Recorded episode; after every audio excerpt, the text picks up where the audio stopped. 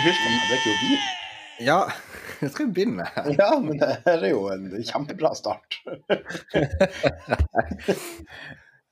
Eh, yes. Da er det passert um, midten av september. Det er snart jul. Og vi ruller i gang en ny episode med Lapskaus. Ja, Hallaisen, Halvard. Hallaisen. Hallaisen, går det bra med deg? Uh, Ja. Ja? Det har vært en sånn annerledes travel uke.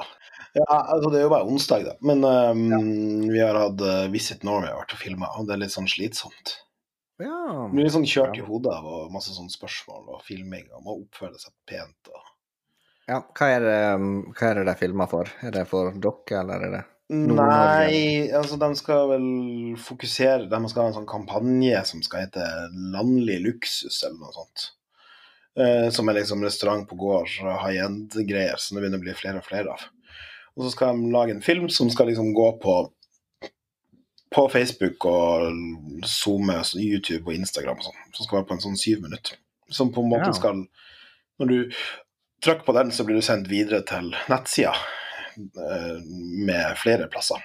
Så vi skal på en måte liksom på en måte fronte det, den kampanjen deres. Så vi skal gå i 15 land eller noe sånt. I hovedsak Norden, men i mange land.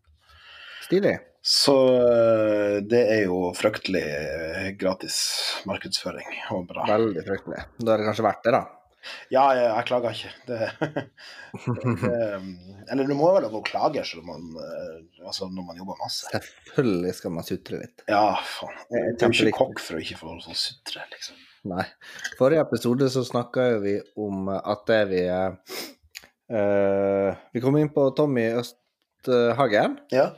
på slutten der nå, så han må vi ha som gjest. Og han skal vi ha som gjest Ja. i denne episoden her. Ja. Stille opp midt i soppsesongen.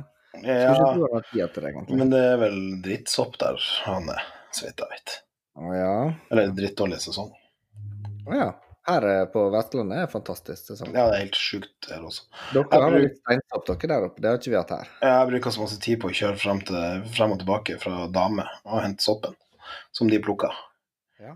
Så nå begynner det å bli mye. Ja. Og det er også litt sånn her, uh, annerledes travelt. Det er at nå spruter det ut av den jævla åkeren. vet. Det er så mye greier som må gjøres klart til vinteren. Og til og med syltes og fermenteres. og ja. Sånn at, eh, Og bær må renses, og sopp må konfiteres og syltes. og Sånn at det er liksom jævlig mye. Og så er det liksom bare tre uker til vi stenger ned for en velfortjent sommerferie i oktober.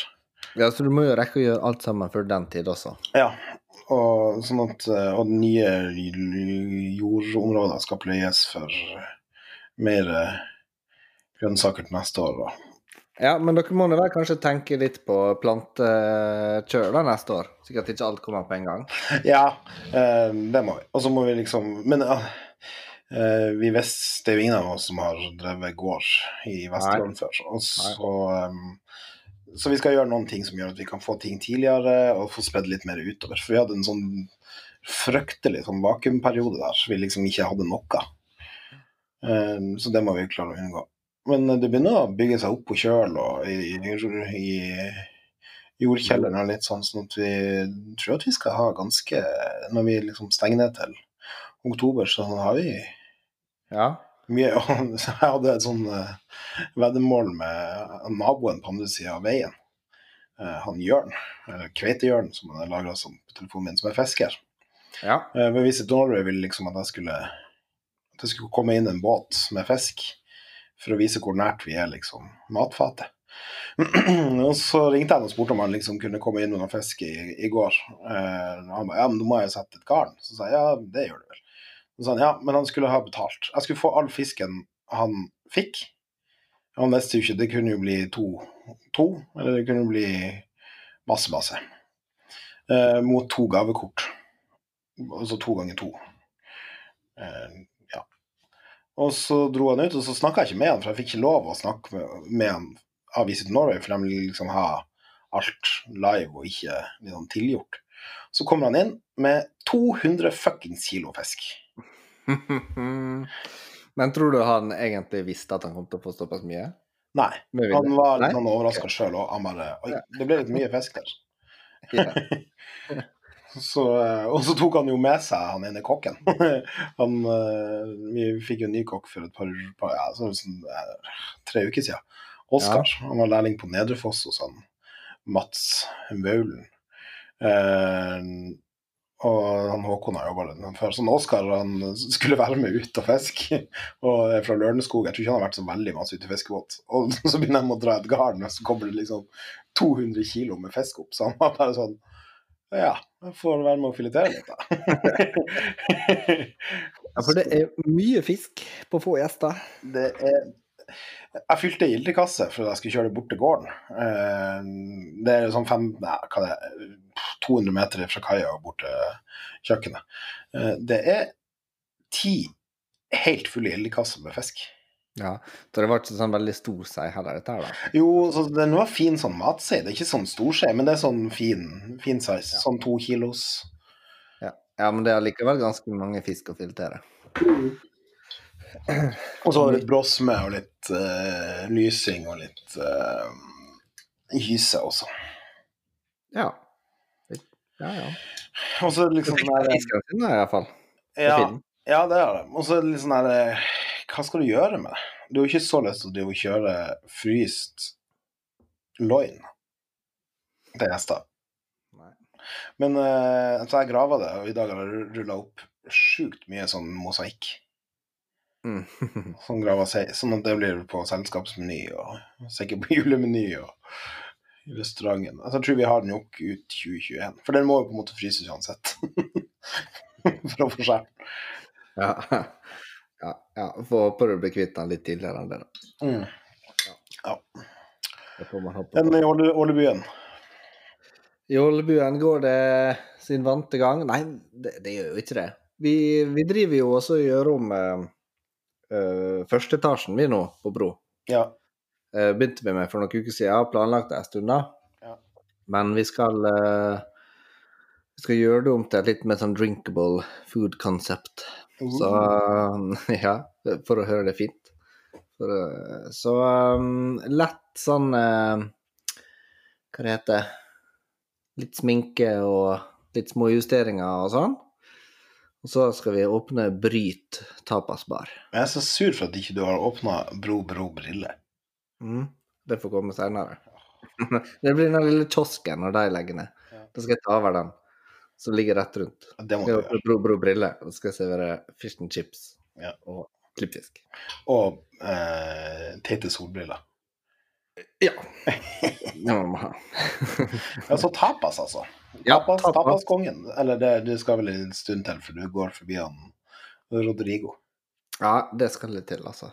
Nei, men altså, vi, vi er jo Det er fortsatt ganske populært med tapas her, og så eh, kan man lage god tapas også, kanskje man det, da? Man kan jo gjøre det interessant, Ja, selv om man har grunnsteinene der, ja, ja. tenker jeg. ja, ja. Hvorfor er du så imot tapas? For jeg er så jævlig lei av å eh, liksom ha bodd i Vesterålen i ja, snart fem år, og før jeg åpna Kvitnes og svarer på de her eh, mailene, får et spørsmål Hei, vi vil gjerne ha litt sånn catering. Gjerne litt sånn tapas. Ja. Og så er det sånn der eh, ah, Det er jo jævlig mye jobb. Spesielt på catering, liksom. Det er mye greier med deg ut, og masse kjeler og varme og kjøttboller og come on. Det er liksom ikke så Det er ikke derfor jeg ble kokk, for å skjære, skjære ost og skinke og rulle kjøttboller og lage tomatsaus. Men nå er det sånn at det er noe, av og til så tvinger det seg frem eh, litt kompromiss. Så hvis vi skal få holdt på å gjøre bro, som vi fortsatt skal gjøre nede, så må vi ha eh, toppetasjen til å funke også. Og få inn penger. Ja. Og eh, liksom treffe litt bredere, da, enn kanskje bro gjør. For vi har ikke så snevert konsept som du har, vet du. Vi er litt mer folkelige. Jeg er kjempefolkelig. Jeg, jeg er folkelig. Kokken Er du liksom, Det finnes ikke noe mer enn folkelig kokken. Du er, en, eh, du er nå en ganske bra definisjon på en av disse en, to eller tre av disse stjernene. Det er Michelin. Verdt en reise, osv., osv. Ja. Nei, så jeg blir, blir tapas. Jeg tror det skal bli bra, jeg. Men hva så, tror du jeg- jeg egentlig skjer? Jeg kan godt, Ja. kan, kan godt kalle meg for en uh, litt sånn uh, eh, spanskinspirert matbar, hvis det høres bedre ut. Ja, nei, altså, nei, for det vil ikke bli det samme. Du må jo kalle det for tapas. Ja, ja. For at folk skal komme rett et Japp. Det må jeg. Så det blir stilig. Men hva tror du skjer med Michelin-guiden? Jeg vet ikke. Altså, det Jeg tror- blir vel neppe noen nye stjerner i Norge, for de slipper jo faen ikke inn i land. Nei, jeg, jeg tror den en- Jeg tror ikke de lanserer den. Eller så bare ruller de ut liksom samme. Eller så har de gått til fortrolige personer i forskjellige land. Nei, det kan de ikke. Nei, kanskje ikke. Men det har vært fett hvis han sa sånn OK, ingen guide i 2021. I 2022 så begynner vi på scratch. Ja. Da hadde det vært mange som hadde vært eh, vært skjelven i buksa, tror jeg. Ja, men tenk hvor fett det hadde vært. Og så fått rydda litt opp i, eh, i Frankrike og Italia. Og, altså, det er mye hjelp som aldri skulle hatt noe. Ja. Men det er noe, det er noe sånn som Maemo har jo, blir jo et år til uten stjerne. Ja, men det går bra for de. Ja, det gjør det. Det tror jeg går helt fint. Jeg tror de klarer seg. Ja. De har jo, de har jo åpna denne Vendeløy også, så får ekstremt mye skrut. Ja, jeg er så jævlig lei av å se den burgeren. Ja. Og hvorfor har de delt den sånn? Hvorfor øya ja, sånn er at jeg har delt den i to? Nei, det vet jeg. Men um, man får jo veldig lyst til å smake denne burgeren, da. Ja, men det er jo ikke deres feil. Det er jo alle de som legger ut bilder av den jævla burgeren. Ja. Det er jo umulig å åpne Instagram uten å se bilder av den- burgeren. Men jeg kommer alltid på storyen der. Ja. Så derfor irriterer det meg litt at jeg ikke er der og får smakt den burgeren. Ja. Så det. Nei, skal vi Ja, ja. smelle i gang og snakke med han soppkongen? La oss gjøre det.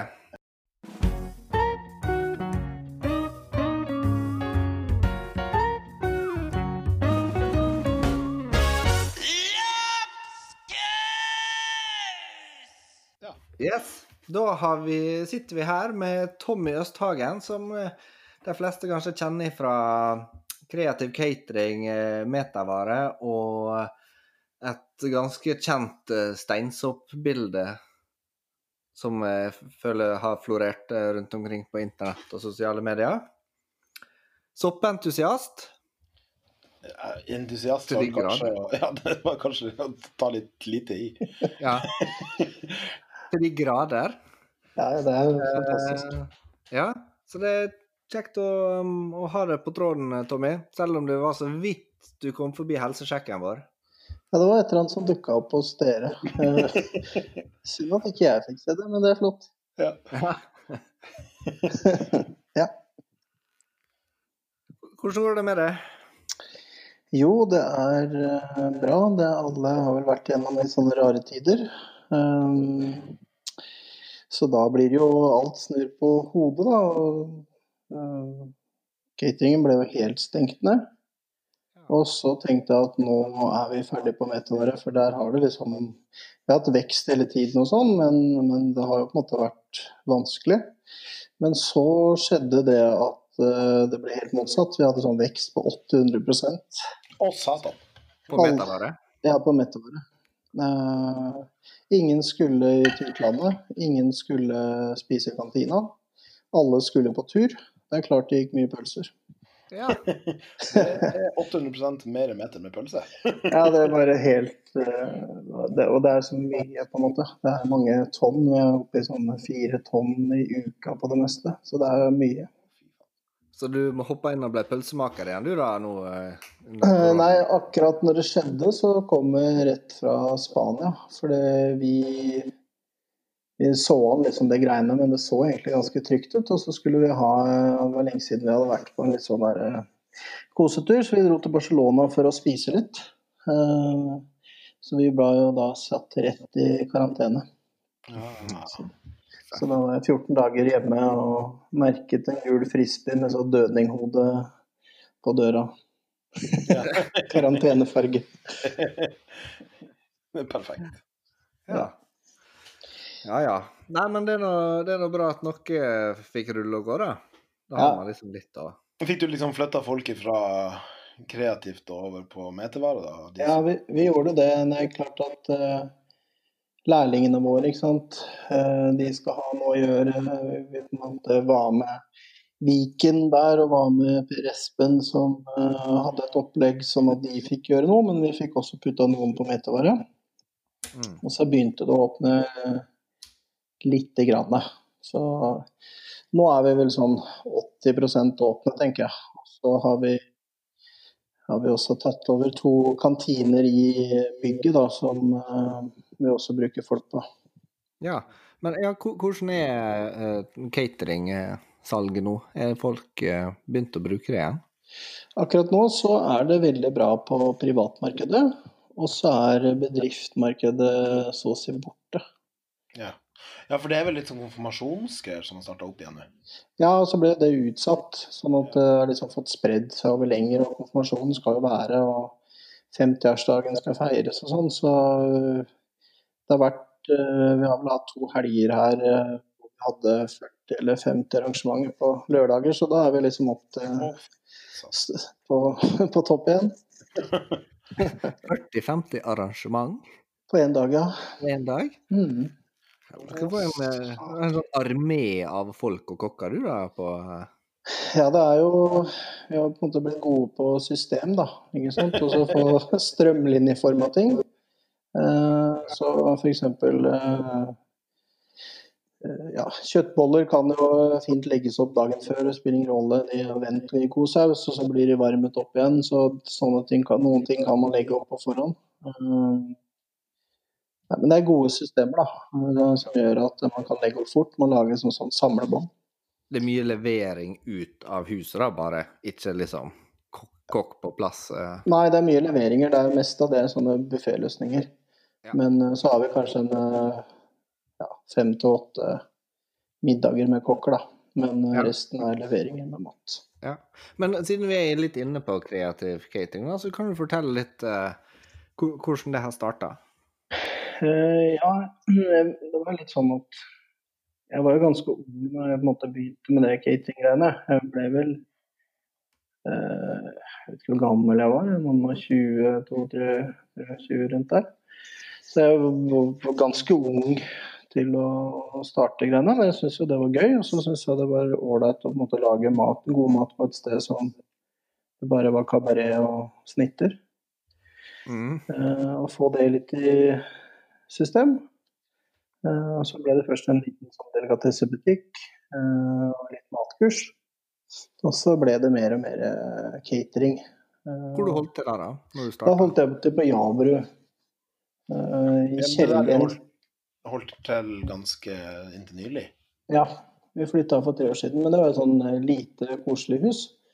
Så spesielt når vi hadde sånne arrangementer i Spektrum på sånn 2500 og sånn, da da det er ganske trangt i kjelleren der. Eh, vanvittig mengde mat da, og systemer som skal ut. Um, Men det er veldig det har blitt veldig gøy da, med de der store arrangementer. Som første selskapet, det, det gjorde så vondt, det. Ja, det kan jeg, hva er det største jeg har gjort? Nei, det er vel sånn rundt 2500 rundt der. Men det, kanskje det vanskeligste var vel et på 1900. Da tror jeg vi hadde 55 minutter, eller én time på tre retter på 1900 mennesker. Å, fy faen. Så det er sånn Jeg fikk litt sånn vondt, jeg fikk vondt i ryggen. Altså, når du Det- sa det. Nei, Jeg husker liksom nede Vi, hadde jo, vi var jo ikke så stor gjeng på cateringen. Og så husker jeg at vi hadde liksom leid inn det var eh, 60 kokker og elever og alt mulig. Så liksom man åpna en sånn stor eh, port, og så kom det bare veltende inn eh, 60 kokker og elever, hvor jeg kjente halvparten, ikke sant.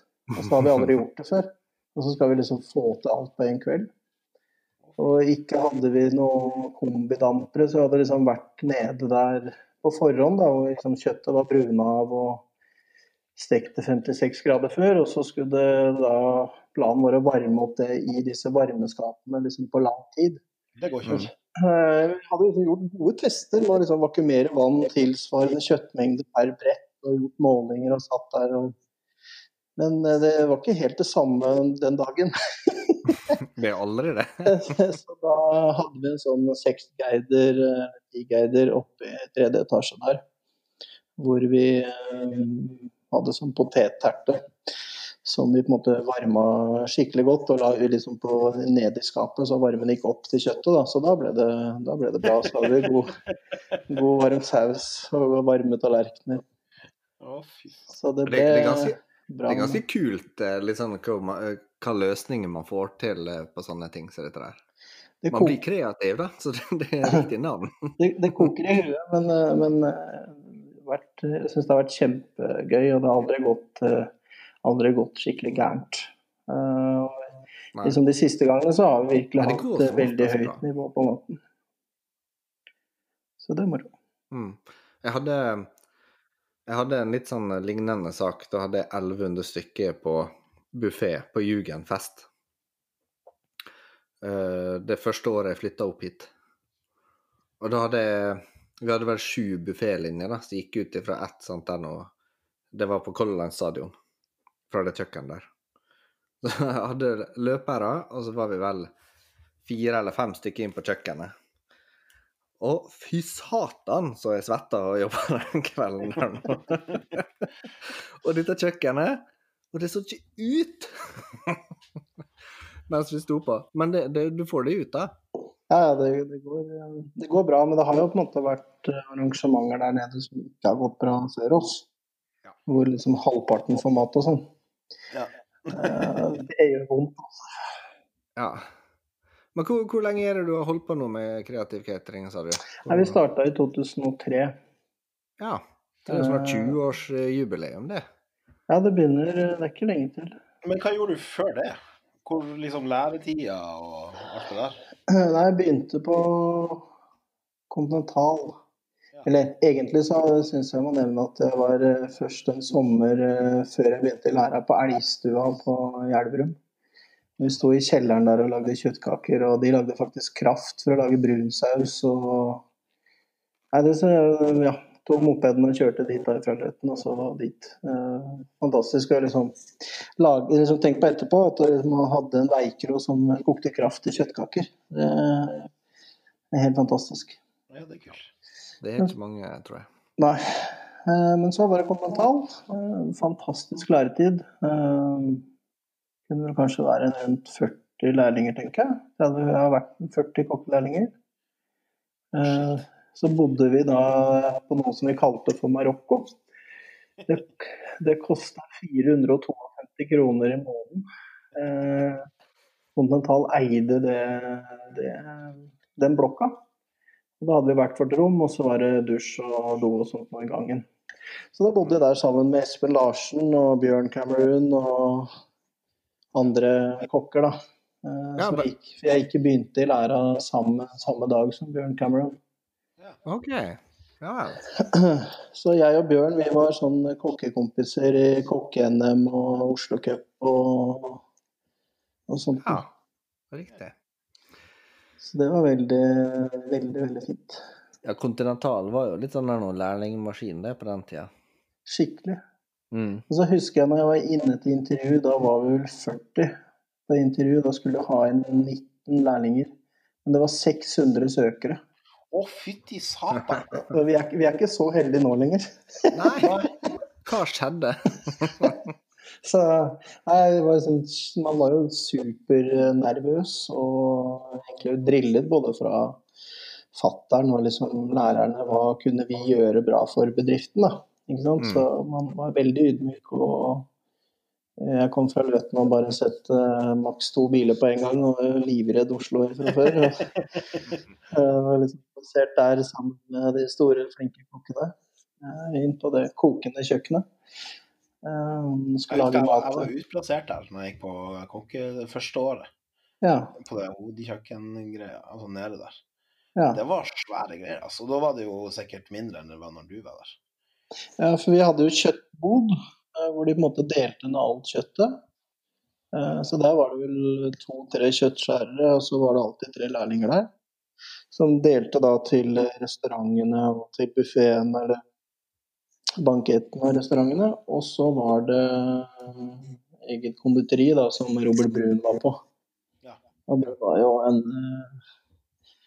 ja, fantastisk i seg sjøl, da. Med Robert som fløy rundt der og spredde glede.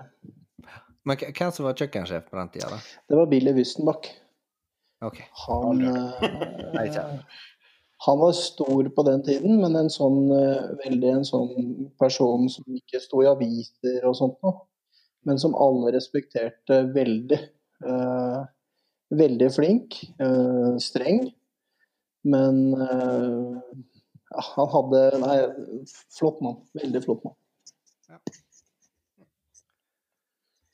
Uh, ja. Og etter lærlingtida så tok du Da dro du til uh, Da skal vi se, jobbet jeg vel så vidt var litt vente jo, jeg litt i teaterkaffen, Og så hadde jeg lyst til å dra til Frankrike, for da var det som nyutdanna kokk da, så var det umulig å få jobb. Det var, eh, det var mangel på arbeidsplasser for kokker. Ja, den, den har ikke jeg hørt om. Så da, da måtte man liksom åpne døra og lære noe, da. Så da, da snakket jeg med Yngvar Nilsen. Eh, som da var på landslaget, tror jeg. Og så snakket han med Trond Moyen og Sonja Lie. Og da havnet jeg på en tostjerners restaurant nede i Toulouse. Ja. Eh, Jardin de l'Alba, som hadde to stjerner Michelin-guiden, og var sånn veldig, veldig klassisk fransk. Med masse transjeringer og ja, blod, blodhard jobbing. Ja. Tror jeg på. Old school. er skikkelig. Eh, Ja. Men eh, ja, morsomt. Det kanskje det viktigste jeg lærte, var kulturen. Mm. Eh, og den bare måten de fileterte fisk på. At de liksom Den fisken som vi liksom bare vasset i og bare eh, De, de behandla det som en liten baby. ikke sant? De eh, tok den opp, vaska den tørka med sånne rene håndklær, klippa finnene, tok av hvert eneste skjell før de fileterte, selv om de ikke skulle bruke skinnet. Så det var liksom en sånn Respekterte råvarene så veldig, da. Det det er jo veldig unødvendig jobb. Helt Å unødvendig. klippe, klippe finne og skrape skinnet før du skal filetere. Ja, det var sånn det var. Eh, Men det var, det var liksom litt sånn der, på en måte fint også, selv om det var unødvendig. Så var det noe med den der respekten de hadde for råvarene. Og hver gang eh, dro jo på en måte han derre sursjefen ned og handla varer, da. Med en sånn liten sur eh, varebil. Ja. Så ja. Og så etter ikke så fikk jeg jobb i Antasje. Da jobbet jeg der sammen med Sven Erik. Så jeg og Sven Erik sto og kasta kjeler på hverandre. han eh, jeg lurer på om jeg sto på kjøtt og han på fisk, eller mulig vi bytta også. Men eh, jeg var vel litt for uerfaren til å være der akkurat da, for det hadde vært i Frankrike der, så ja, det var mye skrelling og sånn. Du, du, du ble jo ikke kokk av å være der, og jeg hadde jo på en måte vært på Kontinental, så jeg hadde ikke egentlig nok erfaring, da. Men jeg lærte mye på, på annen etasje. Og så ble det feinschmecker. Eh, eller jeg var en liten tur nedom Lipp hos Lars Barmen, det stemmer. Fordi annen etasje stengte, for det skulle pusses opp og gjøres om. Og så var jeg sammen med Lars Barmen, som akkurat hadde tatt over etter Ole Martin. Ja. Eh, Ja, for det var på Det var også litt var på kontinental? det var på Continentalet. Og Rett ja, over kinoen der. Ja. Det var litt sånn brasseriaktig. Ja. Og da husker jeg liksom, da kom Ole Martin eh, eh, Han kom med nyheten ruccolasalat. Helt fantastisk å tenke på nå. Det var liksom føler at pesto. han hadde vært på Pallas. Jeg vet ikke helt hvor han kom fra, og jeg kjente ikke han i det hele tatt. Uh, og så var det Lars Barmen etterpå, da. Uh, og så gikk jeg videre til Feinschmecker, som jeg var et års tid. Ja. Sammen med oss Undertun og Jørn Lie, som var eh, kjøkkensjef. Eh, der lærte jeg mye. Ja. Mm. Var det der du deltok i NM òg, eller? Eh, Jeg var med NM to, to ganger. eh, Og første gangen så hadde jeg vel akkurat sluttet på Farnsmaker og startet da sammen med Gøran eh, og starta catering. Mm. Eh, Og så da fikk jeg vel sølv. Og så var det året etter, da var det jeg, bare jeg og Gøran som dreiv, og da vant jeg da året etterpå. Det var 2002? Nei, det, jeg tror det var 99. ja. OK. 99. To, eh, to norgesmestere på tråden her. Det Hvordan var det du fikk, Ronny? Hæ? Hvordan var det du fikk? Nei da. Det er ikke- plassen det går på. Det er innsatsen som gjelder, ikke Det var liksom andre tider, da, for da var det jo Vi hadde jo ikke noe vi forberedte jo ingenting. Vi fikk jo råvarene, eller lista på råvarene kvelden før.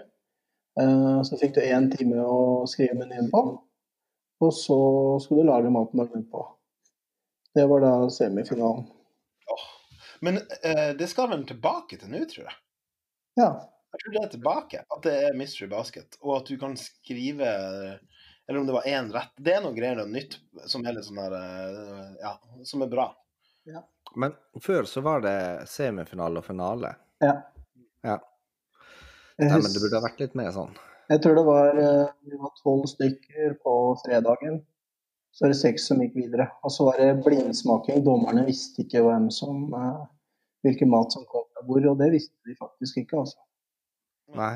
Så det eh, husker jeg på en måte at Terje var dommer da. Og da syntes han det var vondt for mange kompiser, ikke sant. Så syntes han det var vondt at de, de gikk ut. Eh, eh, men det var veldig fint, for det var, det var egentlig fint for dommeren også, for da, da slipper å be om unnskyldning.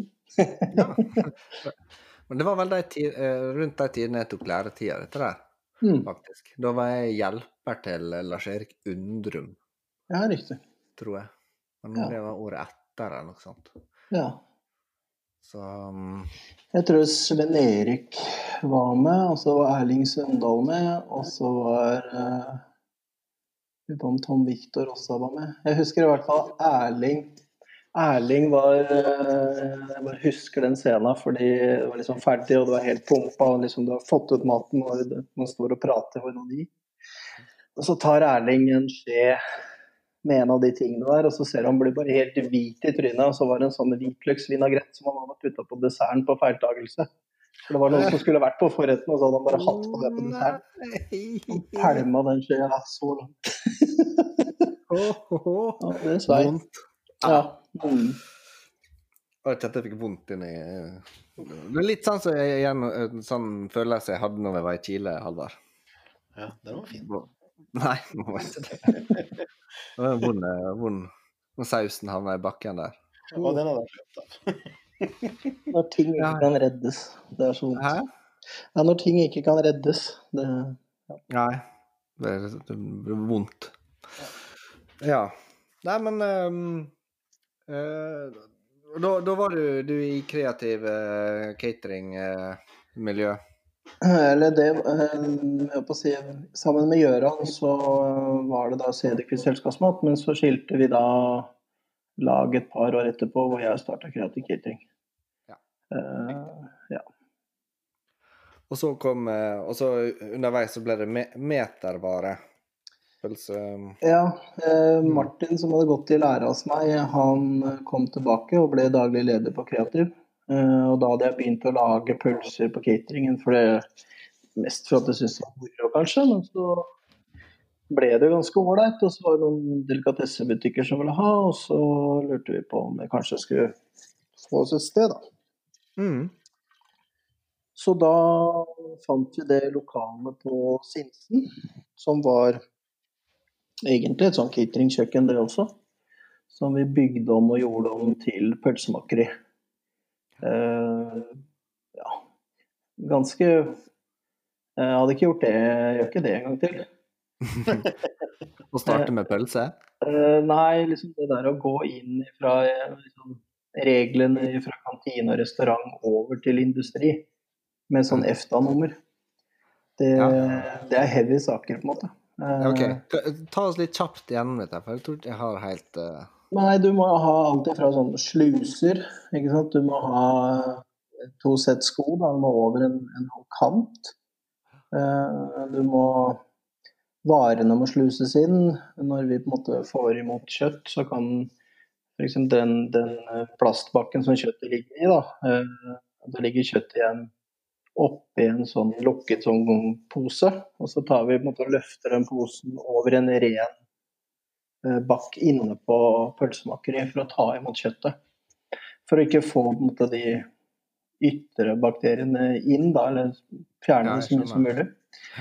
Og så er det jo masse loggføring, eh, masse prøver til laboratoriet. Jeg bruker vel sånn 150 000 i året i hvert fall til eh, laboratoriet. Eh, Du har kontroll på vannet ditt, du har vannkart, du tar prøver av eh, alle steder hvor det kommer ut vann jevnlig. Eh, Prøver av kverner. Og, og det, det må du gjøre uansett om du er verdens største i Europa eller det minste i Europa. Det er samme reglene. Så det er vanskelig. Og i de første året så var Mattilsynet uanmeldt hver tredje uke, tror jeg. Såpass. Eh, og du hadde så vondt i magen at jeg var jo redd fra før. Men eh, der var det jo eh, ja, virkelig skummelt, for vi kunne jo ikke de reglene, på en måte. Nei. Eh, og så har man det der HACCP-systemet hvor hver eneste ting, prosess i pølsene, er gått igjennom og skrevet ned. Sånn at f.eks. ved Urtegata da, så står det at det skal være så og så mye kjøtt, så og så mye salt. Det skal så lenge maskinen. Og hvis du måtte forandre saltmengde eller sånn, da må du til laboratoriet igjen. at da har du forandret oppskrift, og da stemmer ikke holdbarhetsdataen holdbarhetsdatoen din. ikke sant? Oh, ja, Så- OK, så dette her nå går inn til et, eh, til et laboratorium, det, da? Alle Ja, du, du må gjøre alle disse testene og sånt, og til slutt så går det liksom, blir du vant til det. da. Men å komme liksom ifra kjøkken og på en måte bære en halv gris ifra, ifra bilen og inn på kjøkkenet eh, til det her, blir liksom veldig uvant. Ja. Hvor går liksom grensa på at du må liksom begynne med det? For at man kan jo liksom lage pølser og selge på Reko-ring og Bondens marked uten det opplegget. Ja, det går grenser grense på hvor mange kilo du lager i måneden eller uka. Eh, Og så går det om det er eh, fra eget utsalgssted. Så hvis du på en måte hadde solgt akkurat like pølser som vi gjør, men hvis du hadde solgt det i en disk nær fabrikken, så hadde du ikke, da slipper du de reglene. Men fordi at uh, du distribuerer, vi kan jo distribuere f.eks. kjøre helt til Italia med produktene våre og selge det der. Eller i Nord-Norge, da. Og da har det noe med holdbarhet å gjøre. Jeg liker at du sammenligner Italia og Nord-Norge. Det, det er det derre ma- mattryggheten, da. Eh, hvor ting skal være vakuumert uh, lengre tid. Og da er det jo spesielt Listeria-bakterien som, som selv om det er kaldt, så, så utvikler den seg. Og farlig, da. Har du hatt noe eh, Vi har hatt eh, bakterieangrep, holdt på å si? Eh, Vi har hatt en gang hvor vi hadde For vi sender inn prøver på eh, spesielt rå pølser. eh, Og da var det en gang hvor eh, vi fikk for høye E. coli-verdier eh, i pølsene. Og da skal du også eh, spore, så vi visste jo da akkurat hvem som hadde kjøpt de pølsene. Så Mm. vi sendte mail da på ja, ett på natta, og så ringte klokka åtte om morgenen. Og da hadde vel gutta på haugen solgt én av de ti pakkene, så fikk vi tilbake de ni andre. Og så er det full alarm til Mattilsynet, og så er det rapporteringer og styr, da. Uh, ja. Ja, det er skumle saker, da. Man tenker liksom bare ja, lage en digg pølse hadde jo vært nice å, å gjøre. ja. For det er jo godt å ja. Men man kan, sånn, sånn som det er, så kan ikke vi noe for det, for da er jo på en måte den E. fra slakteriet. Eh, ikke sant? Den kommer jo da fra på å si, møkk som har sittet i pølsen eller et eller annet, ikke sant? og så har det blitt med et eller annet inn, og så er det der, da. Det synes jo Ja. ikke. Men da, da funker systemet litt, da. Ja, det gjør det. Jeg vil jo si at det er eh, et system som funker. Betryggende. Det er absolutt betryggende. Men, jeg, men det ble jo ikke håndhevet likt når jeg var i, jeg var i Italia. Vi har jo begynt å lage salamer. Um, og nå begynner vi vel endelig å få det til etter fem-seks år. men men, eh, men eh, når jeg var i Italia og på en måte akkurat samme reglene, så kom jo han der som hadde avlivet døret, og avlivet dyret, som hadde liksom sto i møkka med støvlene og hadde møkk på kjeledressen, kom rett inn og bandt opp salamer. Og så rusler Ok. han tilbake igjen og det kommer en ny gris som han skal avlive. Så det er helt andre regler. Eller samme reglene, men forskjellige måter å gjøre det på, da. Jeg hang noen sånne fenalår eh, egentlig som en test, for at jeg, jeg kjørte de salt i vakuum, Ja. eh, og så har de ligget på kjøl satans lenge. ja. Så de er, sikkert, de er ganske jevnt salta. De har ligget siden februar. ja. det kommer an på hvor mye salt du har på det, da. Jeg, jeg lurer på om det er 4 Ja. så det er ganske greit med salt. Ja. Og så var det én pose som var hold i, og den uh, vakuumslipp, og den, den kasta jeg, for å si det sånn. ja. Eh, men jeg tok jo. Ja, det var Det, det lukta stramt. Eh, men jeg tok eh, tok jeg tre Jeg hadde ni lår. Så tre av de gjorde jeg bare hang jeg. Eh, Det var jo i forrige fredag. Mens eh, seks gnudde jeg inn med sånn koji. Ja. Mm. For det har jeg hørt at noen som har gjort. og da, for da har du liksom litt kontroll på den bakterieveksten, for den vil vel ta over det aller meste. Så det er, vel spennende. det er jeg jævla spent på hva som skjer. ja. Nei, det er, jeg syns det er veldig gøy med sånne prosesser. Jakt og fiske, du driver og skriver for de, sier du? Ja, det er eh, ja, veldig gøy, for da eh, prøver gjøre noe annet. da. Be- Bever f.eks. så har jo du sett 1000 bevergryter. Men eh, du har ikke sett uh, speka beverlår eller helstekt beverlår eller det å jobbe med de tingene der. Så det er kjempemoro. Prøve på beverhalen. Jeg har aldri sett en eneste bevergryte. Har du ikke det? Eh, jeg, vet ikke, jeg tror ikke det er bever i Nord-Norge. Ok. Så ja. Er det godt? Aldri smakt bever. Eh, Bever eh, smaker mye. Den eter jo bare bark, spesielt på vinteren. Mm. så er det mye smak, og så er den jo, den skal jo holde pusten, sånn at den har veldig mørkt kjøtt, sånn som sel og hval og mye hemoglobid i, i kjøttet. Eh, speka syns jeg er kjempebra. Eh, det er jo sånn med fisk at eh, laksen smaker jo minst når den er rå, og så smaker det jo mer du steker den, og mer tran smaker det. Ja. Eh, og som helstekt så har den litt sånn konsistens som hjertemuskulatur. Eh, nei, det, var, det er morsomt, men også godt. Og du er jo liksom til stede når du smaker, da, for det er jo kanskje noe nytt ofte. Ja. Det er Ja, det. ja, det er ikke kanskje. Eh, Veldig nytt. Veldig nytt. Ja. Alt det der syns jeg er kjempegøy, både med sopp og planter, eller om det er en kråke eller hva det er. Så prøv Ja. å smake på alt mulig rart. Men jeg fikk tak i en, eh, eh, en skarv. Ja. Eh, for jeg har en kompis som skyter meste. Ja. Så han hadde vært på seljakt, og så hadde han skutt to-tre sel, men som hadde gått under. For der må du jo skyte rett før de trekker pusten. Så Ja. Og så hadde han vært litt, uh, litt tidlig ute, så de hadde bare gått rett til bunns. Så han ble så forbanna, så han bare snudd seg. Og så hadde han tatt en skarv som sto på en sånn skjær, eh, sånn skjærpinne. Ja. Med samme kaliber og ei rifle, og blåste av den hodet. Så jeg fikk en skarv uten hode. Altså, den var bare, det, var sånn, det var helt sånn sjukt, var sånn clean cut. Det var liksom bare bort med hodet. Uh, men han hadde lagt den på melk og fått av liksom alt med en gang. Uh, for det er jo sjøfugl, så det kan jo bli fort tran. Mm. Uh, og så bytta jeg melk et par ganger over natta. Og så kjørte jeg den så vidt, for jeg tenkte at hvis du liksom framprovoserer den steikeskorpa, det er jo da du får den verste transmaken. Mm. Og, og så bare liksom bruser jeg den i smør etterpå. Det ble ganske godt, altså. Det var liksom nesten gjort. Ja. Men men det var også veldig mørkt kjøtt, for den Ja. holder også pusten veldig lenge. ja. Ja. Jeg er overrasket på hvor mange ting som er bedre enn man tror. Ja, måse har jeg tenkt at det er en av de få tingene som jeg virkelig ikke har lyst til å spise. Nei. Det er så skitne. En flygende rotte. Ja. Jeg tror det det er artig. Ja. Nei, det har jeg ikke noe sånn kjempegira på å smake, egentlig. Nei. Men du sa det at eh, du var inne på sopp og spiselige vekster og litt sånn. Mm. Eh, det, det, er vel, det er vel mest det du har gjort i det siste? Skrevet bok om sopp og plukka sopp og sånt sopp og Ja. Ja. ja. Det, Det er gøy å kunne leve av sopp, da.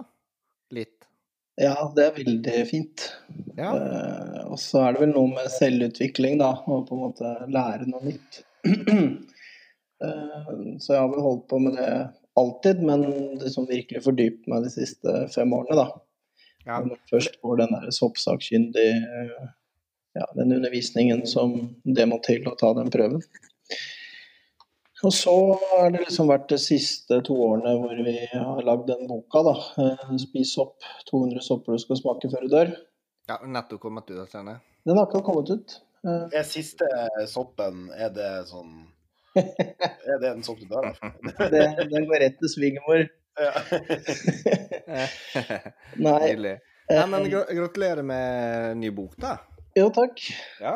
Jeg syns det har vært moro å eh, Jeg føler selv at det er en nyttig bok fordi at det gjør eh, at folk plukker mer sopp. Fordi de blir inspirert til å prøve, og de skjønner at det er så mange andre arter enn kantarell. Uh, og så har vi på en måte smakt på alle, sånn at de vet hva de skal gjøre med den når de får den inn. For som kokk så har vi smakt på så mye rart. Sånn at vi, hvis du, du har sopper som f.eks. smaker rødbeter. Og, og da er det jo kanskje ikke steking du først tenker på, men jeg på å si noe søtt-surt. Eh, og det er sånn vi har gått fram. Da. Eh, Noe smaker skikkelig løk. Eh, Stankmusterom syns jeg smaker bacon. Eh, eller når fett treffer kølet. Mm. Eh, Så den eh, har jeg brukt liksom, Hvis du er vegetarianer og vil ha uh, sånn røyksmak, da, så kan du putte litt stankmusserong oppi minestronesuppa. Uh, ja. Det er utrolig mange smaker og konsistenser i den der soppverdenen. Altså. ja, det tror jeg på. Men hvordan har du gått frem for å finne ut om den soppen der er spiselig, og hva type sopp det er? Ja, nei, Å finne hvilken type sopp er, er ikke så vanskelig. Det, det vet vi litt fra før. Som soppsakkyndig så er det vel pensum på 150 arter eller noe sånt nå. Eh, Ja. Så da har du 50 arter til, da. Ja, og så har du noen giftige, da. Men, men eh,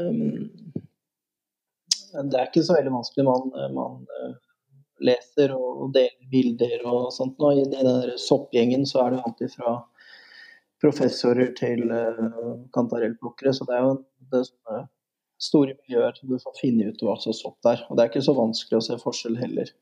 Ja, OK. Ja. Hvor mange stopper kan du, Ronny? Uh, det vet jeg, kanskje ti? Hvis du skal plukke, da. Som du føler deg trygg på å plukke. I En, skogen, ikke shiitake i butikken. Nei eh, eh, Hva jeg kunne tatt da? Seks, sju, åtte ja, Kanskje en åt- sju-åtte såpass? Si navnet på det. Eh, eh, Trakkantarell. Ja. Eh, vanlig kantarell. Ja.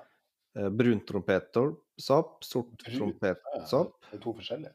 Ja. Veldig lik trakkantarellen. Det er gul og svart. trompetsopp. ja OK. Ja, okay. ja, OK, gul og svart. Ja. Og så er det steinsopp, selvfølgelig. Piggsopp, fårsopp. Um, eh, og denne her nå eh, skrubb. Ja. Ja. Men der er det jo f- tre igjen. Ja, Ja, det er greit ikke å skille. og så er, er jo det selvfølgelig røyksopp og litt sånn, men det stopper litt der, da. Ja. På de, på de åtte. Men du har jo kommet langt da. Du har jo på en måte fått mange forskjellige slekter. Ja, Da Men smaker. jeg hadde aldri tenkt For jeg, jeg tror ikke jeg hadde greid å sett forskjell og tenkt forskjell på gul trompetsopp og trakkantarell. Jo. Jo, ja, men ikke når du går i skogen og plukker. Nei, kanskje ikke. Nei. Eh, For de er ganske like, selv om de ikke er det. når ja, jeg er enig i det. Enig. Ja. Jeg er veldig glad i den granmatrisken. Ja. Ja, og og jeg har gjort, det har jeg sagt til deg før, Tommy, men det er funky greier. Jeg har kjørt en jeg, i altså konfi. Altså kokt den i sol, Ja. solsikkeolje eller rapsolje med litt salt i en sånn halvtime på 100 grader, så da er den jo død, for da kan den jo ligge i årevis. Mm, mm. Men den blir så inn i helvete parmesan.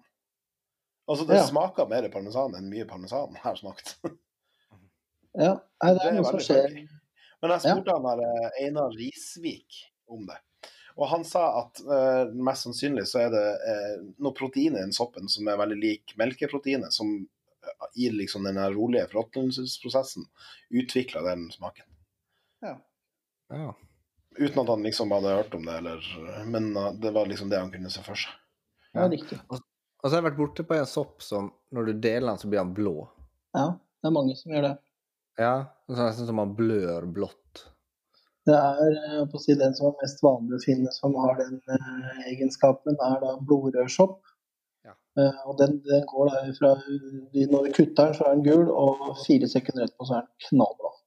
Men den er spisende. Den er spiselig, ja. For det er jo det han eh, René Ledesepli har lagt ut flere filmer med den. Ja, ja, det er blodrødsopp. Du har også en annen lik som heter ildrødsopp, som har akkurat samme egenskap. Og så har du en blånende rødsopp som eh, ikke er så festlig på utsiden, men som skjer akkurat det samme. Og det er en syre der som reagerer med oksygenet. Ja, OK. Men eh, ja. Alt du kan, Men hvor altså. mange meldinger får du i løpet av en sesong om dårlige bilder? For eksempel, eh, altså, Nå tenker jeg ikke på meg sjøl, for jeg sender deg noen bilder og spør hvordan det er. Men hvor, mye, hvor mange meldinger, sånne meldinger får du når det er sånn? Nei, 10-20 om dagen. Ja, OK, det er såpass, ja. Ja. Jeg syns som regel det bare er koselig, med mindre det er sånn kjempekok og at det er masse som skjer. Fordi jeg syns det er kjempekoselig at folk plukkes opp, eh, og jeg syns det er morsomt å, å finne ut hva det er for noe. Mm. Og sende det tilbake, da. Og noen ganger så er vi heldige hvor jeg ikke vet hva det er, og det altså, blir jo ekstra gøy. Ja. Eh, Det er jo mange tusen arter der ute. Men jeg lurte på noe. Mm. Når du, altså En ting er jo å øh, vite hva sopp det er, men du skal jo finne alle disse soppene her også. Mm. Når du skal, når du skal utvide horisonten din på nye sopplasser, hva er det du ser etter da, bortsett fra kun skogsbunn og sånn, da? Det som er viktig å huske her, er eh, hvordan Det er tre typer eh, som soppen lever på. Det ene er da at den lever på brytende materiale, sånn som sjampinjongen. Eh, Den, den kan du dyrke. Ja. For den går jo da på møkk eller treverk eller et eller annet den kan bryte ned. Og det er også de De kan også være i tre.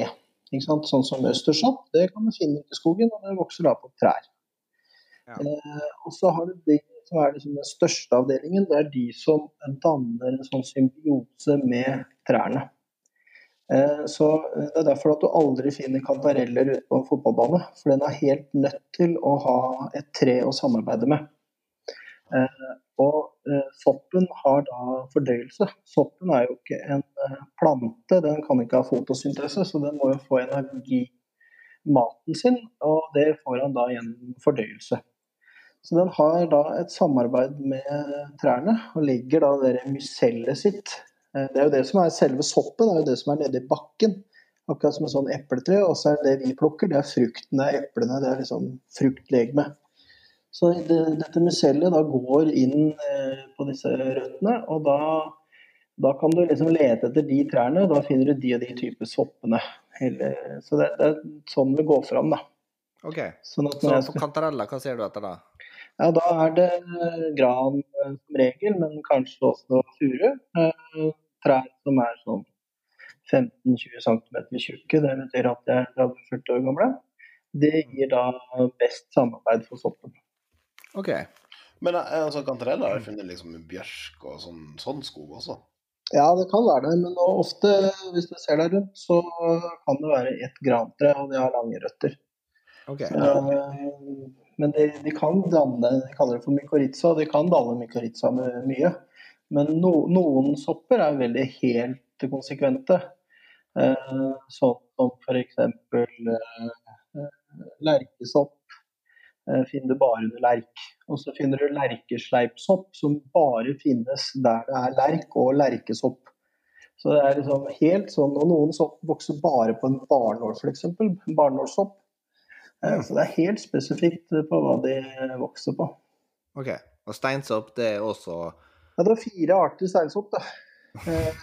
det gjør det enkelt. Eh, Og den beste, den, den, vokser, den, den beste er eike, skal visstnok være eikesteinsopp. Den er eh, registrert ett funn, men det er litt sånn strides om det. Og den da vokser da med eik, og kun eik. Eh, Så jeg går rundt og leter rundt disse store eikene og drar ned Grimstad og sånt nå for å håpe på å finne den første.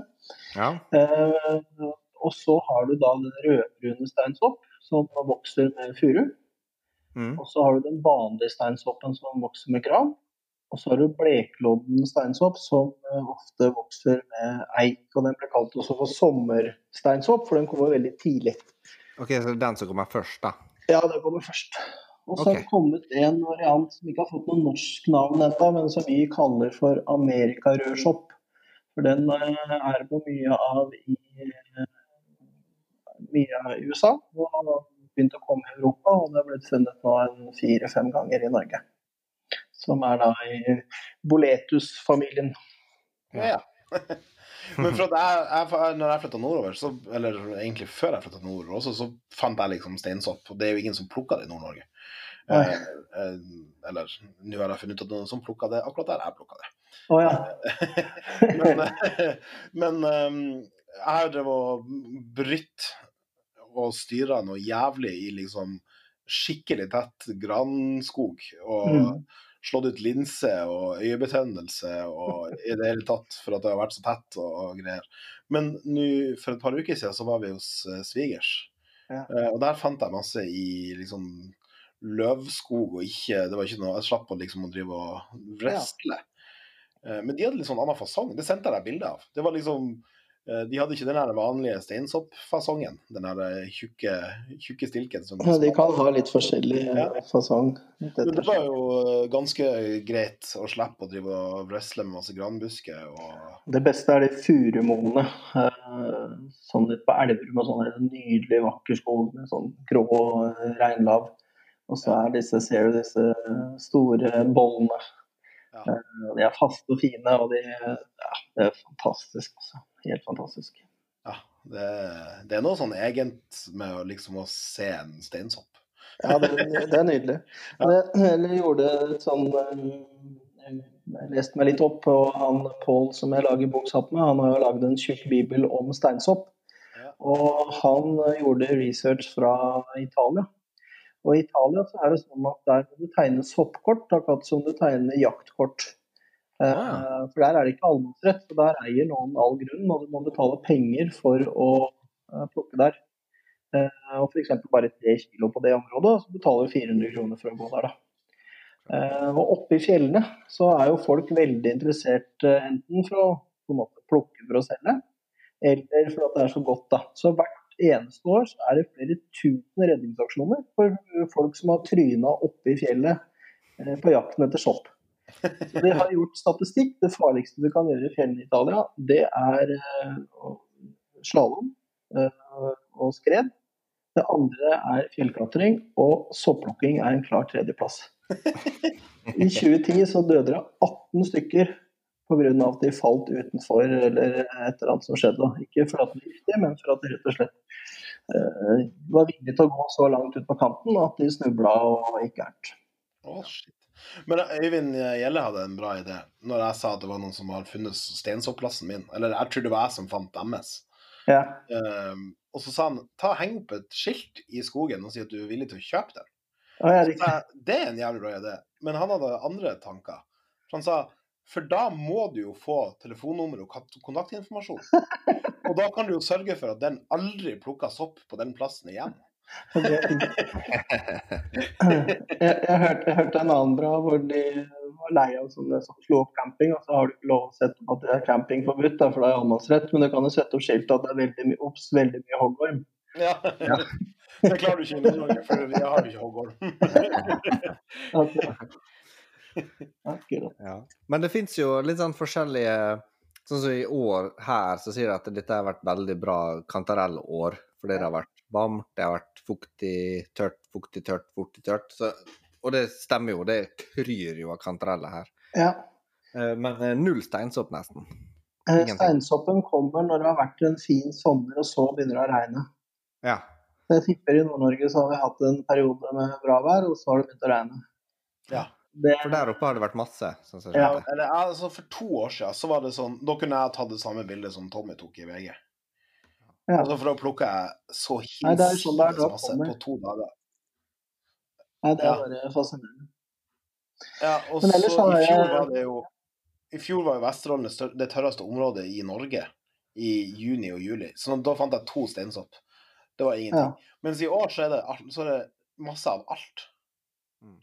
Eller ikke alt. Det er masse av eh, Trattkantarell har begynt å komme ut nå, og det er mye av den. Og det har vært mye kantarell, og det er ekstremt mye piggsopp. Og det har vært sånn over gjennomsnittlig mye steinsopp. Ja. Jeg har fått så mye bilder fra Nord-Norge. Jeg er dritsur, for jeg har ikke funnet Bare funnet litt. Ja, hva er litt for deg? Det er bare 100 tonn. Nei, 40 kilo kanskje. Ja. Maks. Ja. Så, men øh, jeg håper enda til uka så har jeg litt tid, så da skal jeg dra litt sydover. Jeg ser at øh, de plukker Grimstad og Lillesand og sånn. Og så skal jeg innom noen eiker, for da skal jeg finne denne maitake, eller koralltjuke, Mm. uh, som jeg fant bra med i fjor. Uh, fantastisk god sopp. Uh, og den er sånn at du plukker med litt sånn Den er en rødlista sopp, da. Det vil si at den det er ingen sopper som er fredet, men, men den Og du på en måte dreper ikke soppen heller, for den bor inni treet der. Så når du på en måte har tatt soppen, så er den fortsatt inni treet der og kommer neste år. Men den får ikke mulighet til å spre seg, da. Ikke sant, når jeg har stikket av med med hele legemet. Så da plukker man sånn at man deler Det kan jo bli sånne store Én sopp kan veie 10-15 kilo. Eh, Så da tar du liksom bare halvparten eller sånn. Ja. Miler tilbake til bilen. jeg, har to, jeg har to plasser i Sigefjorden der jeg kan kjøre og se Altså, det vokser en steinsopp attmed det samme treet, akkurat samme plassen. Ja, Hvert år. Så kan man bare kjøre, og så kan man si OK, nå er det vits i å gå ut i skogen. Ja, ikke sant. Nei, det stemmer, det. Men du, på Sortland så er det rett utenfor hotellet. Det ligger jo rett attmed liksom den mest trafikkerte fylkesveien i Norge. Ja. Eh, så vokste det masse sånn matblekksopp. Ja. Eh, hva tenkte du om liksom, å plukke den når den er så nært eh, veien? Det er ikke noe problem lenger fordi at man ikke har bly i bensin. Ja. Sånn at eh, det er ikke så problem med tungmetaller lenger. Yes, Så da vet dere hvor den soppen ender opp. Men det er jo morsomt med sånn, den farligste soppen vi har i Norge, og som kanskje er verdens giftigste sopp, eh, spisgiflersopp, den, eh, den suger opp aluminium og tungmetaller fra jordbunnen. Så man, skogeieren er jo kjempeglad for å ha den, fordi at den eh, hjelper trærne med å binde opp disse metallene. Og den tar også livet av eh, småkryp og planter som skader trærne. Da. Så Ja. eh, det er ikke bra for oss å spise den. For skogeieren så er det litt supert. Men for det er artig, for at der har han ene kokken min, han Jens, og hun italienske servitøren min, Mariana, de, de var på sopptur begge to. Ja. Med to dagers mellomrom. Og Ja. begge sendte meg melding bare 'Er dette en trattkantarell?' Jeg bare Nei. det er den, den giftslørsoppen. Ja. eh, den kan nok bare stilt og rolig bare Ikke Ja, ta den, eh. Nei, den er ikke noe bra. Det er ikke noe å spise det. Nei. Nei, det virker som vi må investere i soppboka. Ja, det hadde vært eh, cool. jeg, jeg tror at det er sånn for kokker også nytte, ikke fordi at oppskrift der det, det kan dere, på en måte, men, men eh, det står en beskrivelse der hva de smaker. Så du blir litt nysgjerrig på jøss, den smaker rødbeter eller løk eller eh, ja. Så det, det, det, er, er veldig morsomt. Ja, nei, for man For min del, man forholder seg og liksom går for liksom det safe så man vet det godt. Ja. Men det kan godt hende jeg har gått forbi eh, mengder med god, digg, spiselig sopp. Ikke sant? Ja, det har vi helt garantert. Tenk hvis Det all, det tenker jeg ofte på. Hvis all skrubb hadde vært steinsopp. Ja. Jeg syns jo skrubb funker til sitt, da, liksom, hvis du skal lage noe asiatisk mat eller sånn. Eh, Den smaker jo lite, men den har jo en bra konsistens. Jo, men den er stappfull av makk bestandig. Det er mye proteiner. Da kan jo vegetarianerne få litt. Ja, men jeg, jeg, jeg plukker, hvis jeg liksom ser at her er det mye skrubb, Ja. så tar jeg den med meg, og så koker jeg liksom buljong på den. Det funker også veldig bra. Det, For det det. må jo ha lang koking, hvis ikke så blir du jo helt Tsjernobyl i bakluka. Av... Ja, ja, den, den må eh, Brunskrubben kan du spise bare med lett steking, men de andre skrubbene må du varmebehandle lenge. Men også det er artig hvis du har salt i den skrubben, for da blir den jo sånn slim. Ja, eh, hvis du skal prøve å lage soppsoya og prøver å gjøre det på sånne skrubbhatter, så får du verdens morsomste slim. Ja, men jeg har brukt, brukte den nå i høst, og så framprovoserte jeg litt. Ja. Altså, bare for å få Altså, du har den buljongen, og så vet du det er skrubb, og så har du litt salt i. Ja. Og la den stå litt, bare for at du skal liksom få den her eh, fylden, på en måte. Ja, ja. Eh, ja, den, den blir, den blir nesten litt sånn feit uten at du har hatt noe fett i den. ja. Det er noe rart der. Mm. Ja. Men det, hvordan, hvordan er ryggen? Etter å ha gått bøyd. ja, man, går det, når du går fire måneder i året bøyd, så må det være Ja, nei, det går veldig fint. Det er verre med blåbær, liksom. Du reiser deg opp litt og går oppover der. Okay. Så det går veldig, veldig fint. Ja, flott. Men eh, litt sånn avslutningsvis her, tenker jeg, så har vi, eh, har vi hatt eh, noen spørsmål som vi spør alle sammen i podkasten vår. Ja. spør det også. Og det er jo um, Hva er ditt um, Din eh, hva heter det, guilty pleasure ja. uh, når det gjelder informat? mat? Jeg har vel flere. Uh, Ketsjup og stekt egg. Speilegg. Oh, det er jeg syns det er fantastisk. Noen syns det er superekkelt. Ja, altså, jeg kan spise mye av det, men, eh, men det blir liksom sriracha. Ja, OK, ja. Men her, her er det en ketsjup. Ja. og så syns jeg de derre Hva heter det? De derre på Burger King, de der ostekulene. Chili cheese. Ja, de syns jeg er gode. Der har jeg ei bra historie. Vi, vi skulle til, når vi dro til Erfurt, Ja. Så hadde vi jo liksom to busser, både junior- og seniorlandslaget, eh, med liksom Norwegian Culinary Team-logo på yttersida, og dun dunka ned reperbanen. Og så begynte vi å litt sånn, eller litt, relativt kjempefyllesyke etter eh, en relativt hard natt på Kiel-ferga. Ja. Og måtte liksom ha noe mat, for det var ingen som klarte å rekke den frokosten på Kiel-ferga. Så liksom to timer så bare Nei, vi må bare få stoppa.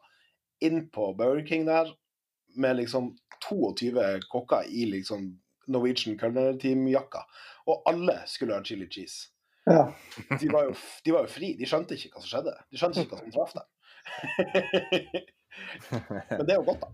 ja jeg syns det er godt. Absolutt. Ja, jeg, jeg har aldri smakt det. Å, herregud, da har du ikke levd. Nei, jeg har ikke levd. Nei, men det er jo det mener jeg at kunne ha kommet fra en restaurant, da. Det er eh, Det, det funker. Bra konsistens, bra styr. Det, det er bra. Men Ja, de kan jo, det. altså Burger King og McDonald's de kan jo friterte greier, altså. Ja. Ja. Det, det, er, ikke pommes frites, da, men alt det andre som er fritert, det, det er jo hva får dem til. Ja, bra. Og så, eh, hva er eh, de greier som du lager på kjøkkenet nå? Som alltid er med deg på kjøkkenet? Jeg har vel egentlig ikke noe så jeg, liksom, jeg har eh, i hvert fall én kresen unge, og da er det sånn derre atskilt mat. Jeg er så drittlei det. Og liksom ikke blande ting, og alt skal være lunka og alt det greiene der. Men hvis jeg er unger og på tur, så er det For jeg er veldig mye på tur. Eh, Ja. ting, og da jeg liker å ha med noe vi har lagd sjøl, om det er en røkt fisk eller eh, Og, og pultost. Jeg er fra Løten, og pultost på brødskiva, det syns jeg er fantastisk. Pultost, faktisk. Ja, har du ikke smakt det? Det kan godt hende, men det er lenge siden. Eh, Du sånn, hadde eh, med en gang noen til Pallas. som Ja. Det er vel den eneste gang Det var, det var stramt.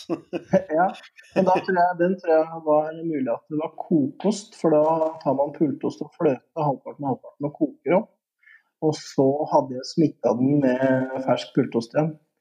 Eh, ja, det, smaker, det smaker mye, men det er jo sånn supermoden Bride det må-aktig, da. Men det er jo karve i det i tillegg. Ja. OK. Yes. Du, du om den osten der. Og så eh, til slutt, da. Hva, hvor er det du Hva er din favorittrestaurant?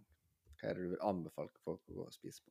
Jeg spiser jo sjeldnere og sjeldnere, men jeg, jeg, jeg syns i hvert fall jeg har vært der to-tre ganger og eh, på Ticket i, i Barcelona syns jeg er fantastisk. Kan, kan du gjenta det du sa nå? Ticket i Barcelona, Ticket, ja. ja. Det Eh, ser artig ut. Vi var og spiste der i mars, og da tror jeg vi hadde 30 retter der. Jeg har aldri vært så mett i hele mitt liv. Og, men liksom, det er så lekent og fantastisk eh, gode smaker. Og de kjører en sånn blanding mellom veldig litt sånn jålete ting til bare eh, perfekt, enkel råvare, bare gjort veldig bra. Så nei, det er virkelig flinke, og du føler deg avslappet. Det er en flott atmosfære. Og så har de sånn hemmelig rom bak, så hvis du på en måte De, de fører jo eh, liste, de har jo flere restauranter. Eh, Så hvis du på en måte Henrik da, på kontoret har vært på flere av de restaurantene, og han, bordet sto på han. Og da var det sånn, da fikk vi gå bak der og eget sånn dessertrom. Eh, Så da er det sånn eh, Charlie og sjokoladefabrikken da, med jordbær i taket og et helt rom med dessert. Veldig, veldig tøft. Må besøkes. Ja, veldig bra. Ja, it's a must. Mm. Yes. Nei, men eh, det var veldig hyggelig å prate med deg um, om det du har gjort, og og sånn. Ja, så- Og sopp sånn. Jeg, må, jeg må få ta én kokkehistorie på slutten. Ja. ja. Så jeg er mye på tur. Og så i vinter så har vi fire-fem eh, kokker på tur. Eh, Så har vi ikke investert i et sånt svært tolvmannsstelt med parafin og minne og skulle på røykfiske på Furusjøen. Eh, Og han ene han er ikke vant til å være ute i det hele tatt. Uh, Så vi syntes det var litt koselig å være med han, og ta med han. Og han syntes det så veldig spennende ut. Så da hadde vi med fire-fem sånne kjølebager, svarte, som brødboksen hadde. Det var et sånt konsept som var i Oslo her som gikk konkurs, hvor du på en måte fikk brød på døra, og så lå de oppi den der boksen. Det var genialt. Så jeg hadde fire-fem sånne bokser, og liksom de boksene var veldig fine å sitte på når du pilka, og liksom ha pilkestikka og maghåten og mark og sånt på der, så ikke den frøs i stykker.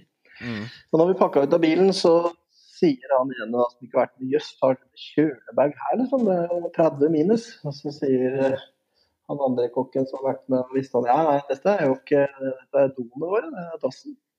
Å, ja. Og så nei da, jo da, så ble det bare tulla bort, da. Og på morgenen så skulle jeg da skulle jeg da åpne en av de boksene og drive og lete etter pilkegreiene, og så ser jeg liksom nedi der papir. dopapir. Og så kommer den der varme dampen. Å nei, så da, han trodde på at det var dass. Ja, hvor faen skal jeg gjøre fra meg? Liksom? Det var jo midt på natta, det blåste. Men så er de så små, da, så han var jo dritsur, da, for redskapen måtte henge på utsida av bilen. Og det er jo dårlig dass. Men han måtte jo bære rundt på den hele dagen, for vi ble enige om at den der er din. ja, det er morsomt med kokker på tur. Ja. Jævlig bra. Bra avslutning. Det var det. Så eh, får du ha en eh, fin sopphøst videre, da. Det er vel litt å plukke fremdeles, er ikke det da? Det er jo nå, nå musserongene kommer. Det er nå, nå godsakene kommer. Det er fint. Du må sende Ja. bilder når du er ute, når du får svar. Det skal jeg gjøre, vet du. Det er fint. Så snakkes vi. Vi snakkes. Ha det godt. Ha det bra.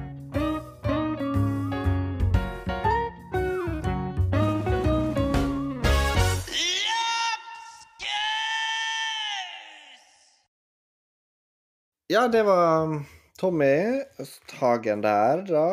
Ja, vi sleit jo litt med lyden, Ja. så vi håper, vi får, vi håper Ronny, det tekniske geniet, får fiksa det i redigeringa. Oh yes. Håper jeg at jeg fikk eh, gjort det så godt som mulig, så dere ble Dere fikk hørt alt dere trenger om, om spesielt om soppen, da. For det var jo Kan mye, altså. Ja. Jeg er sjukt glad for at jeg ikke driver må forholde meg til sånn catering på 1900 Spektrum. Ja. Jeg har jo gjort noen sånne cateringer, ikke så store da, men sånn Der har jeg Ja. preppa alt alene. Jeg har gjester og 600 gjester, og så preppa alt. og så kjørte jeg med noen kokkeskoleelever. Så det er ikke noe sånn Det er artig å ha gjort det et par ganger. Det er artig å gjøre det når det liksom det funker. Og det, man, man lander jo bestandig på beina. Men åh, du skal ha godt betalt for at det er verdt, verdt det, liksom. Ja, men det gjorde nå kanskje litt uh, de uh, Din uh, Hva jeg holdt på å si De ti der oppe før Kvitnes, da. Jo da. Ja, jeg tjente litt på de. Ja, du gjorde det. Når du gjorde alt alene også. Det er jo kanskje litt fint med disse cateringene, når man holder på sånn, da. At det man kan gjøre alt sammen sjøl. Det Ja. det blir lave kostnader. Ja da. Men det, det er jo liksom eh, Det er mer logistikk enn matlaging. Ja, det er det. Det er det. Så, så, ja. Veldig mye logistikk. Du kjører ikke liksom uh, perfekt stekt biff til, uh, som skal transjes til eh, 1900 mann, liksom. Nei, du må tenke annerledes. Ja, det må man. Oksekjake og pigsving, pigwings, der har du løsninga på det. Ok. Men du, Halvard. Ja. Spalta di. Ja, jeg vet da faen. Kan vi ha. What's Not Hot? OK, greit. Kan vi kjøre motsatt? Det er jo at relé skal stenge. Ja, det er så krise, det. Ja. Det er det faktisk. Det er, det er min favorittrestaurant. Nummer én. Ja, det er bra, altså. Fy faen. Ja. Jeg skjønte ikke helt hva det var greia heller. Han var bare litt sånn lei. Ja, jeg tror det. Ja. Jeg tror de bare fant ut at det, eh, han hadde ikke jeg, tror, jeg tror kanskje Men rett og slett han ville jobbe, jobbe, mindre, jobbe mindre. Det henger vel sammen, da. Men det er kanskje Det kan være liksom husleie, da. Kan Ja, godt at det er leieforhold. Ti år, etter ti år, liksom, at det nå Ja, siden det begge ryker samtidig, liksom. Ja. For, ja, men, for at ja, man skal jo fortsatt ha de andre sjappene. Og den her gården sin og ja. Jo, men altså, skjønte For de kjørte jo De flytta jo relé ut på en sånn der noe gård. ja, de har skjønt greia.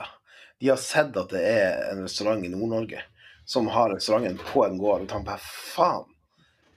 De der folkene der, det vil vi også gjøre. Ja, det, det, det, det, er Jeg har faktisk blitt det. han fyren. Ja, faktisk. Å, Mm. det er fett. Jeg skal Ja. se noen eh, eksemplarer av boka mi. Nå må du spare, spare deg. Du har ikke blitt han fyren. Du har ikke blitt han fyren. Du har ti år igjen med jobb før du blir han fyren. Nei, men eh, faen. Må jo nesten til Kjøben i løpet av året. Ja, jeg rekte ikke. Nei, det er jo nettopp det. Ja, og så kom, for at det problemet du, du, du reiser ut, men du kommer jo hjem, og så er det go corona. Faen! Ja.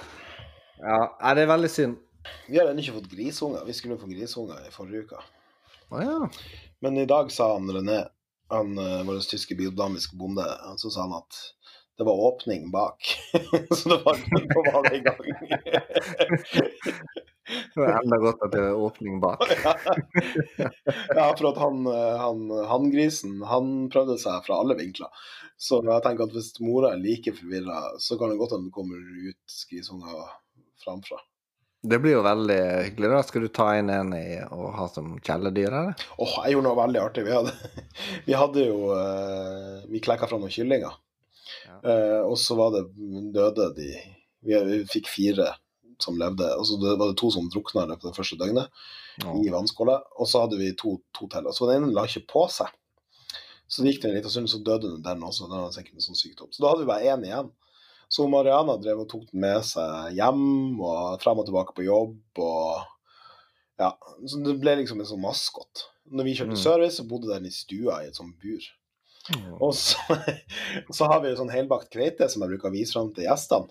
Og sånn før vi deler den opp. og liksom Gå bort til bordet og viser vise dem Mm. kveita, hvis det er lov å si, og sier hva vi har gjort med den. og så uh, serverte vi den, og så tok jeg inn buret med kyllingen. Så det er en sånn levende kylling. Og viste den til bordet til Jeg gjorde det ikke til alle bordene, det var noen vi kjente. Og sa at dette var hovedretten. Og de bare De øynene de satt på meg. bare sånn Hæ? Det, det, det var ett steg for langt. Men den, den heter Lykke til, for alle døde. Alle de kyllingene døde. Ja. Uh, Gikk det bra med lykke til? nei. Den ble voldtatt av ei eh, eh, sånn her uh, Røyskatt. Nei, Så vi måtte avlive det. For ei historie å avslutte denne ukens podkast med. Men det er veldig greit, for vi sender bare til rest.